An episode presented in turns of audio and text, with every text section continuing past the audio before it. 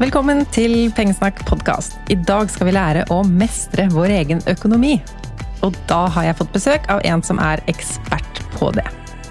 Hun skriver i sin nyeste bok at det teiteste hun vet, er par hvor én betaler alle regninger, mens den andre betaler all maten. Velkommen til deg, Lene Drange. Hallois! Det er jo mange som kjenner deg fra TV og Snapchat, kanskje. Kan du fortelle litt om deg selv? Du, jeg eh, Nå gikk det veldig stort, men Nei, eh, altså jeg er en eh, Hva skal vi si? En økonom fra Bergen. Ja. Som flyttet til Oslo for å studere, og har blitt værende siden. Hadde tenkt å Altså begynte Måtte enten bli noe når det gjaldt gym eller økonomi. Eller matte, egentlig. Gym ja. eller matte var det, okay. var det, jeg kunne. Så da ble det, ble det økonomi, og så ble det BI, og så ble det luksusfellen etter hvert. Og så har det da ballet på seg. Som vi sier i Luksusfellen. Det er viktig å bruke det uttrykket mye. Men det baller fort på seg. Ja, ballet på, på seg. i livet. Med, med snaponomi på Snapchat, og nå over på Instagram. Og så er det blitt til noen bøker om privatøkonomi. Må ha de absolutt alle kanaler som er mulig. Kjenner til det, du. ja, ja, ja, ja. Så det er blitt det, og så er det blitt Verdistiftelsen. Der vi reiser rundt på videregående skoler og forteller om økonomi. En ideell stiftelse. Ja. ja, det, er jo, det er det gøyeste jeg gjør, vil jeg si. Den... Møte treklassingene. ja. Unge mennesker med alle muligheter. Mm. Og litt for lite kunnskap. Ja, og så har de så Det er noe sånn friskt over dem. De, altså de har i starten så er de litt sånn åh gud, økonomi, jeg orker ikke bli ny mattetime, liksom. Så går det ti minutter etter vi har liksom snakket om at det er en økonomi for deg, da. Det er ikke familieøkonomi og budsjett og Excel og ukeshandling og liksom åh gud, testament. sant? Mens det er liksom for de, da. Hva skal du mm. tjene, hvordan skal du tjene mer, hvordan får du jobb? altså alle tingene. Så blir de overraskende interessert fort. Økonomi er jo en veldig viktig del av hverdagen. Um, og åssen er det hjemme hos deg? Er det du som betaler alle regningene og samboeren maten? Eller er det oh, Nei, ja Jeg vet ikke. Det hadde nesten vært digg, det. Neida. Nei vi har Stakkars. Eh, han, eh, han, er under et strengt regime, kan man si. Eh, han er jo fra Sunnmøre, det er viktig å si det, da. Ja, så han, så han er gnien i utgangspunktet? Det er, det er riktig, da. Han er bevisst, kan man si. Blir, han blir så sur hvis du sier at Men han er mer bevisst enn meg, da. Oi, ja. Så han, ja, så han føler seg litt lurt. Han trodde han ble sammen med liksom, en økonom i luksusfellen, men så er det sånn hm, Som kan bruke penger. Ja, det er viktig med den balansen. Ja da, men eh, nei da, vi er stort sett enige om de store linjene, og så ja, er det jo alltid litt man er uenig om, men det går stort sett bra. Ikke sant. Vi spilte jo inn en episode sammen i mars i fjor. Og det var jo rett etter nedstengningen, og vi trodde den skulle vare et par uker. Det var den første episoden jeg gjorde sånn via Zoom, ja. så lyden på den er jo ikke helt 100% men temaet var jo bra. Så da snakka vi jo om hva tenåringen må vite om sin egen økonomi. Så hvis du har en tenåring i huset, eller er en selv, så kan du sjekke ut episode 51. Men i dag, Lene, så skal vi snakke om noen slags regler eller retningslinjer, planer du har laga for voksenlivet. Spesielt kanskje for de av oss som deler livet med noen. Ikke at det er enklere økonomisk å være én, men det er i hvert fall færre ting å bli enige om, da alle regninger er liksom dine regninger. Eh, eller hva er ditt inntrykk? Er det enklere å være én, eller er det flere som, er, flere som har økonomiske problemer? Jeg tror det er litt både òg. Fordi hvis man er to, så har du mer penger inn, som gjør det enklere i utgangspunktet. Altså du, det der hverdagsøkonomien og handlingen og sånn, det går enklere, for du har mer penger inn. Men så må du jo også forholde deg til en annen som vil noe annet. Altså, sånn, man har jo alltid ulike ønsker og ønsker å bruke penger på individuelle ting, men også felles ting. Mm. Men så tror jeg også det der at du skjerper deg mer hvis du, du og din partner da, ok, nå skal vi spare, eller nå skal vi pusse opp, eller nå skal vi et eller annet. Så er jo man flinkere når man er to, fordi at man har også lovet en annen. Hvis du liksom bare bryter et løfte til deg sjøl, så er det enklere sånn ja ja, ta det neste måned. Altså Det er jo som når du skal på trening. Det er mye enklere å komme seg dit hvis du har avtalt å møte noen der. Det er jo litt de samme mekanismene, da. Så jeg tror det er både òg. Men, men, jeg tror det er enklere å få styr på når man er to, for da får man også snakket mer om det. Ja, det er et godt poeng at da får man tenkt litt høyt og gjort flere refleksjoner enn når man sitter med det sjøl. Ja, sant? bare det der å si noe høyt, da. Da blir du mer bevisst på det uansett om du, det er til en venninne eller det er til en partner. Da. Så jeg tror det er enklere å være to, ja. Mm. Du har jo skrevet en grønn, fin bok med bilde av deg og det som er datteren din, antar jeg? Yes, Emilie. Sin første fotosession, og siste, tenker jeg. Den boka heter Pengeplanen. Og det første steget i den planen det handler om å sikre seg økonomisk. Og hvordan kan man gjøre det? Nei, altså, altså Vi har jo bygget en bok i syv steg. sant? Og så eh, var det sånn Ok, hvor skal vi begynne? Hva er det absolutt viktigste? Og så har jeg jo etter noen år i dette privatøkonomiske tematikken da, liksom funnet ut at det, det ja, eh, ukeshandle, der er det mye penger å spare, men, men, det du må gjøre først og fremst, er å sikre seg økonomisk. Altså Du må bygge en grunnmur i egen økonomi. da. Ja. Og da går det egentlig på tre ting som du må ha på plass. Og så er jo boken tenkt som at liksom, det er det viktigste, og så bygger man på oppover. da. Sånn, så det er jo det der med forsikringer, hvis noe skjer. Mm. Det er viktig å ha. Og så er det jo selvfølgelig tilpasset eh, hvilke type forpliktelser og eiendeler og verdier man har. Um, og så er det nummer to, du må ha penger på bok, du må ha en buffer.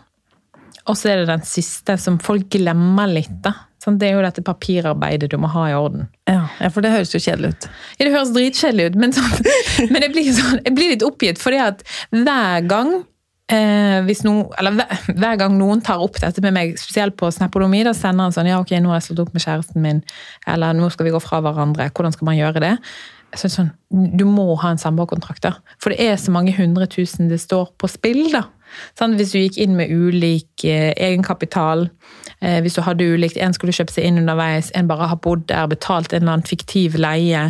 Altså Alle disse tingene her må man ha på plass. da, fordi at når bruddet først skjer, da har du en million andre ting. Sånn, Man er såret, man er skuffet, man er lei seg, man er bla, bla, bla, skal fikse praktiske ting. Og hvis den, det økonomiske også blir et problem, da, så er det så lett å bare være sånn oh, ok, ja, fuck it, vi bare deler 50-50, jeg vil ikke forholde meg til dette, jeg orker ikke. Og i den prosessen så taper man helt vanvittig med penger, da. Men det å skulle skrive en samboerkontrakt og ta opp det i forholdet, mm. har du noen tips til hvordan man kan på en måte gjøre det på kanskje ikke en sexy måte, men ikke gjøre det til noe sånt seriøs og skummel og vi må forte oss å få dette på plass, for nå vil jeg snart gå fra deg og vil sikre meg økonomisk. Nei, altså jeg tenker jo, Det er jo en god test, da. Bare mm. å si temaet. Eller liksom bare hinte litt om det. Nei, Men i boken så har vi laget eh, det vi kaller en økonomisk parquiz. En quiz? Yes. Um, og den anbefaler vi å ta over et glass eller en kartong vin. Som vi har fått, uh, fått, litt reaksjoner på den kartongen, da. Så det beklager det på forhånd. Men, men altså, der man egentlig setter i gang litt den samtalen. Altså, altså, hvilke økonomiske forventninger har vi til hverandre? Eh, hva vil vi bruke penger på som et par eller som en familie? Og hva vil jeg bruke penger på? Altså mine individuelle penger. Altså, sånn, man kan ha felles økonomi, og så kan du ha litt egen økonomi også, for det trenger man. Mm. Eh, så det er en sånn light-versjon man kan gjerne snakke gjennom før man da konkretiserer og skriver ned en samboeravtale. Det føler jeg er en sånn god start. Mm. Lurt. Um, og så kommer vi til det med budsjett. Og mm. det ordet leste jeg at det er ikke du så glad i. Hvorfor ikke det? Jeg bare Jeg syns det høres så kjedelig ut. Ja. Eh, og så er det litt Jeg tror det er egentlig media sin feil. Fordi at det er så mange som VG, Dagbladet, alle mulige avisforsider som er sånn Sånn får du budsjett! Sånn gjør man det! Og det er sånn familieøkonomi. Jeg bare ser for meg altså Nå elsker jo jeg Excel, men jeg bare ser for meg sånn kjipt Excel-ark med budsjett, og du skal liksom eh, notere ned Ok, nå brukte jeg 1390 på Nille, og jeg brukte 2000 på butikken, bla, bla, bla. Hver eneste krone. Alt skal være øremerket til en ulik post, da. Og det funker for noen, men jeg tror liksom for det store mangfoldet så er det viktigere å ha mer en plan, da. Mm. Og så har man ulike kategorier. Derav heter jo boken Pengeplanen, da. Så det er, jo en, altså det er jo en form for et budsjett, men det er mer overordnet. Og hvis du liksom klarer å holde deg for inn i rammen, at du setter liksom, ok, vi skal bruke 5000 på mat, da, f.eks. At du bare holder deg innenfor der. Eh, så går det fint. da. Altså Det er viktig å kunne ta pengeplanen, derav en plan, inn i en kontoplan, sånn at det mm. funker i hverdagen. da. Sånn at ikke de to tingene er helt separate. Det er det som er tankegangen. da. Ja. Og jeg tenker det er sånn, altså Noen elsker jo budsjett og ser på det nesten som sin hobby. Eh, noen trenger et budsjett for å klare å holde seg på riktig sti, mens veldig mange midt imellom der trenger ikke å ha så mange kategorier, og den jobben det blir å jobbe med eh, det budsjettet, kan jo gjøre at hele økonomiinteressen forsvinner, fordi det blir for ja, kjedelig å drive med det, rett og slett. Ja, og så tar det mye tid, sant. For jeg, altså mitt mål, og det vi prøver å kommunisere i den boken, er jo at økonomien, altså privatøkonomien skal gå så sømløst eller så ukomplisert som mulig. da.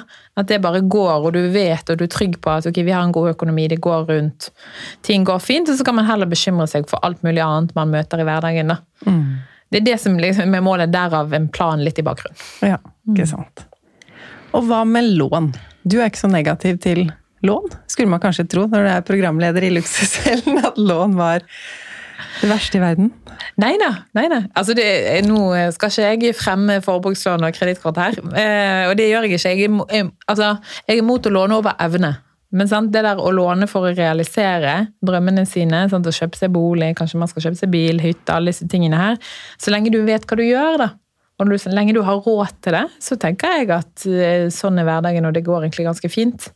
Sånn, fordi man må jo, du må jo sammenligne sånn, hva du vil ha, sånn, skal du leie eller skal du eie, og hvordan er det skattemessig, hva lønner seg økonomisk, og med tanke på hvordan det har vært i det siste, og hvordan det kommer til å være fremover. Så heier jeg på å låne penger. Et spørsmål som jeg ofte får, det handler om samboere som skal kjøpe seg bolig, og så Det er jo veldig sjelden at de har akkurat like mye penger. Eller egenkapital, som man gjerne kaller det i denne sammenhengen. Formue. Hvordan skal de dele det? Når man skal kjøpe en felles bolig, eller kjøpe seg inn i en annen sin bolig. De skal kjøpe det sammen. Yes. Kan vi ta her. Det er jo alle varianter, men eh, Ja. Nei, altså det er jo, det er jo i, Vi har jo skissert opp egentlig fem ulike måter man kan gjøre det på. da. Men sant, det er jo eh, det, Man må gjøre noe som funker i praksis. Det tenker jeg er det viktigste. Og så er det det der Det skal være rettferdig. Det er liksom de to grunnprinsippene. da. Sant? Og du har jo den klassiske som eh, er det fine eksempelet. At man går inn med liksom like mye og man eier 50-50 og deler alle utgifter 50-50. Det er ikke så lett. Det har jo vi også erfart. Vi kjøpte jo eh, bolig for to år siden. Det var sånn, Vi har ikke 50-50, liksom. Nei. Og det blir jo dumt å bare ok, jeg skal ikke bruke de siste 200 000 jeg har fordi at vi skal ha 50-50. Sånn, så det kan, Man må jo se litt på helheten, da. Men, men man kan jo eh, eie at du eier liksom 60-40, for eksempel. Eller 30-70, eller whatever. Og så at man har utgifter deretter også, da. Men det som er problemet med det, er jo ofte at det blir litt sånn skeivt. Sånn at den som har den største andelen, egentlig trumfer gjennom. Hvis, la oss si vi skal pusse opp da, pusse opp badet. ok, Hvis jeg må betale 70 av det, for jeg eier 70% så har jo den litt sånn veto da, i forhold til den som eier 30 ja, så kan gjøre noe med hele maktbalansen litt i forholdet Ja, altså det er jo forskjell, altså Folk må jo kjenne på dette sjøl, men jeg mm. føler ofte at den går litt igjen. da. Sant? Og så er det jo dette med at jeg føler ofte at Det som også er et problem, er at det er ofte en som har vært en flinkis å spare, og så er det en annen som tjener gode penger. Ja. Eller tjener mer i måneden, da. Sånn, så man kan jo også lage en plan om at man kanskje begynner på 70-30, men at man nærmer seg 50-50 per år. da. At vedkommende kjøper seg inn da, av den andre. Sånn, men, men da må jo man ha en rett takst, og man må ha litt sånn man må ha liksom papirarbeid i orden, men det er ikke egentlig så komplisert som vi prøver å komme frem til i boken. Men så er det den siste som er mest utbredt, og det er jo dette her med at man har ulik egenkapital, men eier 50-50. ja.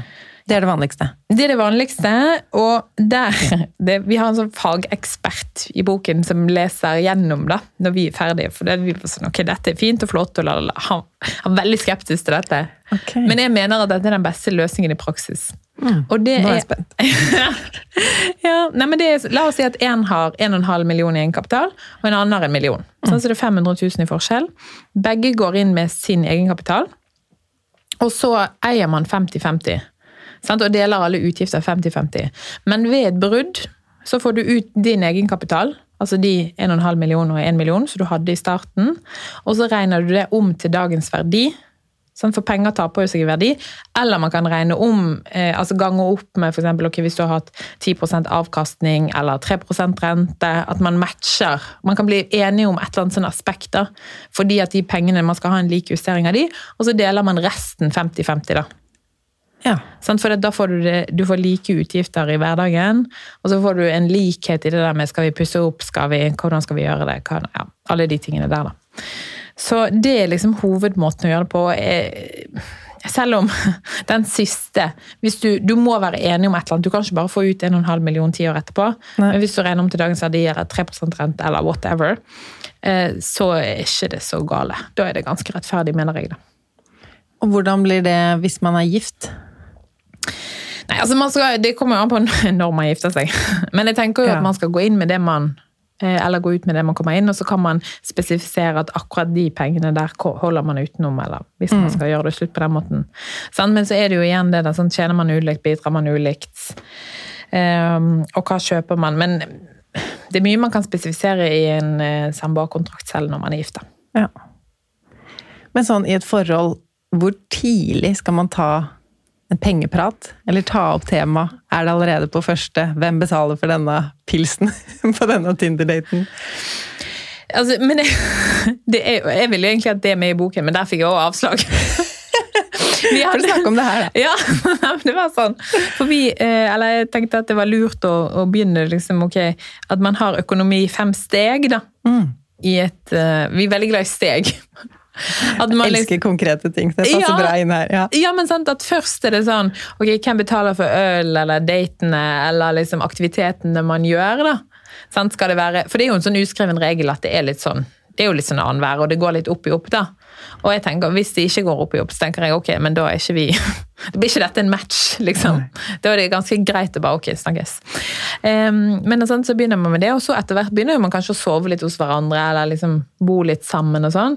Og da er det jo også, for man er jo oftest, hvis man er ung, da så er man hos den som har best fasiliteter, eller den som har størst hjem, altså ikke den som bor i kollektiv. og den Nei, som... ikke sant? Så da går det jo mer utover matbudsjettet, f.eks. hos Ja, typisk. sant? Mm. Så da er det jo fint å hele tiden være litt obs på at man tar med seg liksom, en pose fra butikken. det er ikke, Kjøleskapet fylles ikke seg sjøl, da. Men jeg tenker at de tingene kan man snakke om ganske tidlig. Eh, og det er jo veldig sånn ufarlige ting, da. Mm. At man begynner der, men at man når man skal flytte sammen, så skal man ha den ordentlige sitt-ned hva tjener du, hva skylder du? Hva, sånn at man vet hva man går inn i, da, mener ja. jeg. Så hva den andre tjener og sånn, det tenker du at det har man krav på å vite?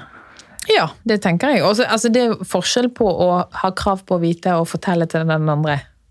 Altså sånn, tre, det trenger ikke være så blodalvorlig og så seriøst, men det er veldig fint, eller man trenger å vite hvis du da skal dele forpliktelser med noen, som er det dyreste du gjør da, eller det du bruker mest penger på som bolig i løpet av et år. da. Ok, Har denne personen råd til det, har du ikke råd til det? ok, eh, Må jeg plutselig, siden vi står begge på leien, eller vi kjøper et hus sammen, eller hva du gjør da, ok, skal jeg plutselig stå ansvarlig for hele, hvordan er det? Sånn at mm. man har kontroll på eh, at man ikke tar seg forpliktelser langt over hodet. Men men det, altså det er jo det kan jo hende at noen Du har en sånn basic lønn, så du trenger ikke vite på hver eneste krone hver eneste måned, liksom. Men at sånn Hvordan det ligger an. Det er viktig. Ja. En av eh, sitatene som jeg merka meg i boka di, er at du skrev at det å være økonomisk ikke er det samme som å være gjerrig. Hva legger du i det, og hvorfor er det viktig for deg?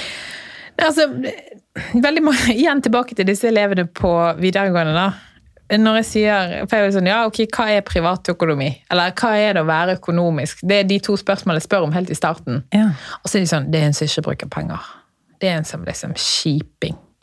Ja, men sånn, altså, og det mener jeg ikke er sant, da. Nei. Fordi at jeg mener at eh, hvis du er økonomisk, så er du bevisst. Altså du har kontroll på din privatøkonomi. Eh, og at økonomien er mye mer enn å ikke kjøpe caffè latte eller liksom ukeshandle eller å eh, holde forbruket nede og bare kjøpe brukte klær. For altså alle de tingene der. da. Sånn Privatøkonomi handler om samboerkontrakt, testament, det er identitetstyveri eller sikre seg mot det. da. Sånn, og det er investeringer, det er alle disse tingene her. da. Sånn, så er du økonomisk, så er du har du i hvert fall et forhold til, et bevisst forhold til disse tingene. Ikke sikkert du er god på alle tingene ennå, men du ønsker å bli da, og jobber mot å bli det. Mens hvis du er gjerrig, så liker du bare ikke å bruke penger. Mm. Sånn, så Det er det som er forskjellen. Så jeg tror eh, å være økonomisk har et litt sånn dårlig rykte, nesten. For det er egentlig en positiv greie, da. Eller jeg mener i hvert fall at det er en positiv greie, og det, det, ringvirkningen av å være økonomisk er mye større. Og det er liksom viktig å få frem da, at det er liksom gøy, og du kan være det med stolthet, som jeg sier til kidsa. Og de blir, de blir enige til slutt, da.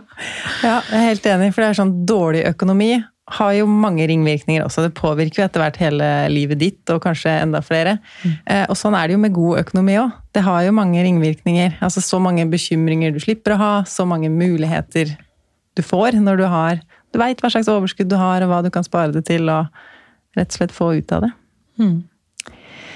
Eh, vi skal ikke gå gjennom hele boka di, men du fortsetter jo med temaer som skattemelding, barn og økonomien rundt det, om økonomiske kriser, det vet du vel alt om som eh, programleder i Luksusfellen, og litt om investeringer, pensjon, altså hele livsløpet og alt man trenger å vite om eh, sin egen økonomi. Det er et par ting jeg vil ha dine tanker om. Og det første er noe du har kalt den halvårlige sjekken. Mm. Hva er det for noe? Det er jo en plan som vi har laget. Eh, som du skal ta tempen på egen økonomi, da, egentlig. At mm, det høres skummelt ut. Ja, men det er egentlig ikke det. Nei, men det er litt sånn der, En gang i halvåret skal du sette deg ned, enten du er alene eller sammen med en partner, eller med barn også. Sette deg ned. Ok, hvordan går det med vår økonomi? Hvordan ligger det an? Ok, Hvilke renter har vi? Hva betaler vi for sikringer? Hvilke streamingabonnement har vi? Ok, Hvor mye bruker vi på mat? Hvor mye har vi spart? Hva skal vi spare?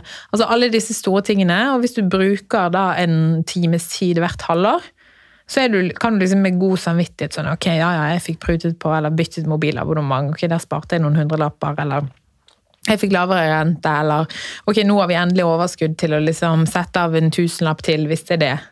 Eller vi skal sette oss et eller annet mål om å pusse opp badet. Et eller annet, da. At man liksom da kan sette seg ned, og så tvinger man seg sjøl til å gå gjennom egen økonomi. Eller tvinger seg, det hørtes litt negativt ut, men man liksom man, man gjør det og får en rytme på det. Mm. Og da er ikke det så mye mer man trenger å gjøre, egentlig. Nei. Sånn at, men også at man, sånn, man bytter passord til bank i det, sånn at man ikke blir svindlet. Og man tar en sjekk i gjeldsregisteret. Så det er en sånn huskeliste. da, ja. At du tar liksom, liksom tempen og status på egen økonomi er planen. da. Så nå i august August er måneden for det, ja. ja, August det har du bestemt for også? Ja, ja, ja.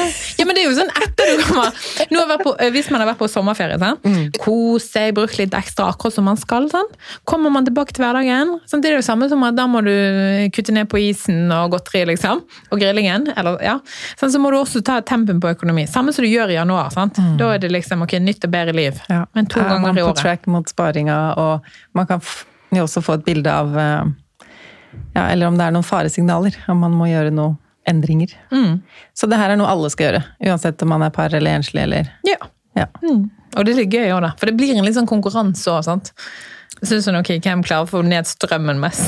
Eller liksom strøm mot mobil eller internett eller Altså alle For det er det som er så fint. Da, sant? Gå inn i eh, kontoskriften, og så ser du de regningene som går hver eneste måned, eller utgiftene som går hver måned rundt liksom lønningen. Mm. Da, de tar du. Ja. Ta en runde det er det viktigste. De og, faste greiene. Ja, så er det liksom gidd å gjøre det, for det er et par tusen i måneden. Så hvorfor ikke heller bruke de på om det er gaming, eller om det er reising eller sparing, eller whatever. da. Men bruk de på noe du vil. Ja. For det er liksom få mest mulig ut av egne penger. Det er verdt det. Og I denne podkasten her så snakker vi jo som regel om hvordan man får en skikkelig god økonomi, eh, men det er jo faktisk enda verre å unngå å havne i en situasjon der økonomien er dårlig, eller blir dårligere og dårligere. Så jeg lurer på om du har noen sånn, kanskje ikke enkle, men noen tips eller råd til de som står litt sånn skal man si, på kanten av stupet? Eller er det noe du tenker er varsellamper? Er det sånn Oi, tok du opp et tredje kredittkort? Da er det fare på ferde. Eller selv har jeg fire kredittkort og syns ikke det er noe fare på. Er det noen liksom, tegn man kan se litt utenfra at nå må det følges med her? Det er jo litt det der når du Når du vet at du ikke klarer å betale alt som kommer. Mm. Altså når, du, eh, når, du, får kredittkortregningen inn i nettbanken og ser at okay, det er minus 18 000 eller minus 20 000, og så må du nedjustere det beløpet til 2000-3000, for det er det du skal betale fordi du må ha penger til mat, og så må du ha penger til alle de andre tingene. Altså de tingene der, da. Eller at det er sånn at du utsetter strømregningen, eller utsetter noen andre regninger, eller later som de ikke kommer. Og du begynner å slette e-fakturaer og sånn. Eh, da er det fare på ferde. Eller det der at du får betalt alt, så du går i null, men så har du ingen penger igjen. Så da lever du på kredittkortet hele måneden. Og så får du betalt i null igjen, så det løper ingen renter. Men du er egentlig en måned bakpå. Så du føler deg kanskje flink, men så lever du egentlig i bakspeilet hele tida, ja. Ja, altså for det er veldig sårbart. For en eller annen måned sant, så skjer det et eller annet. Eller at du går litt bananas. Sant? Så, må du, så er ikke det kortet stort nok, og du må liksom begynne å heve grensene, eller du må Ja, for det er veldig lett å heve den grensa. Ja, ja, den blir hevet for deg, så det er jo greit. Nei, men det, det er de tingene, da. Mm. Det er de tingene som er skummelt. Og når du føler at du ikke har kontroll Og så der er jo det et vippepunkt, for det at våre deltakere sant? Vi snakker mye om at alle var der. De kunne stoppet. Sant? De visste jo at de ikke hadde råd. De visste jo at et eller annet. Sant? Men så enten så eh, slår man opp med sin partner, man mister jobben, man gjør et eller annet som skjer, og da klarer ikke man å holde det akkurat flytende lenger. Så da tar man opp mer kreditt, og så går det utfor. Ja. Sånn, så det er det der å ikke hele tiden være leve på kanten, da. Fordi at noe kommer til å skje uansett. Det er bare uvisst hva. Så hva skal man begynne med da, da? Hvis man står der akkurat nå og veit at man har sletta ned faktura og venter på at den skal komme tilbake med dobbel styrke? Altså, da må man enten gå på skikkelig sparebluss en måned eller to for å liksom komme seg à jour, kan For det kan holde. Det kan holde. Ja, hvis du er på det vippepunktet, så kan det holde, ja. Sant? Eller du kan jobbe på det. Sant? Kan du eh, ta deg en eller annen ekstra jobb i en periode, jobbe litt ekstra på jobben? What, altså, hvordan kan du løse det? Kan jeg selge noe? Kan jeg skaffe noe mer penger? Bare for å bli à jour, da. Og det er så mye enklere å gjøre det da enn liksom 200 000 seinere. Yes. Eller du kan ta avdragsfrihet på boliglånet for å komme altså, sånn, Det er mange ting man kan gjøre, og det kommer litt an på økonomien. Men hvis man er litt kreativ, ikke prøve å lure systemet, for det går ikke. Sette skatten sin i null og sånn. Å nei. Ja, ikke gjør det. Men, um, men liksom jobbe litt på å være litt sånn gjerrig nesten i to måneder for å bli à jour, da. Ja. Da løser det seg, forhåpentligvis. Og da kan det hende man finner ut i løpet av de eh, to månedene også at noen av de vanene jeg har, trenger jeg jo egentlig ikke. Så kan jeg fortsette med noen av de økonomiske vanene, men eh, ikke leve på sparebrus hele livet. For det Noen syns jo det er veldig stas, sånn Ja, som jeg. Men jeg har skjønt at det ikke er eh, like givende for alle. Så det å finne en balanse der mellom eh, Ja, du har jo et begrep i boka di, kalkulert sløsing. Mm. Det kan vi ta helt til slutt. Hva legger du i det? Nei, men det er jo når du en måned, sant? Du har betalt alt du skal, du har spart det du skal, og så har du satt av penger til mat, for det må du ha. Ja, mat. Og så har man noen tusenlapper igjen. Sant? Og de skal man bruke på det man vil. Man skal kose seg. Så varierer jo det selvfølgelig fra måned til måned. Nå, hvis det er sommer, så skal man gå ut og drikke litt, ut og spise litt, alle disse tingene her. Eller på vinteren kanskje man skal kjøpe nytt eh, skiutstyr, man skal ta med familien på noe gøy. Whatever. Kos deg med god samvittighet fordi at alt annet er betalt, alt er spart, og eh, man har gjort det man skal, da. Og da skal man nyte. Det er min Så filosofi. Kalkulert sløsing. Mm. Tusen takk for at du kom som gjest i podkasten. Gleder meg til å dele denne episoden med deg som hører på, og håper du også fikk noen gode tips alene, for her var det mange. Takk for i dag. Takk.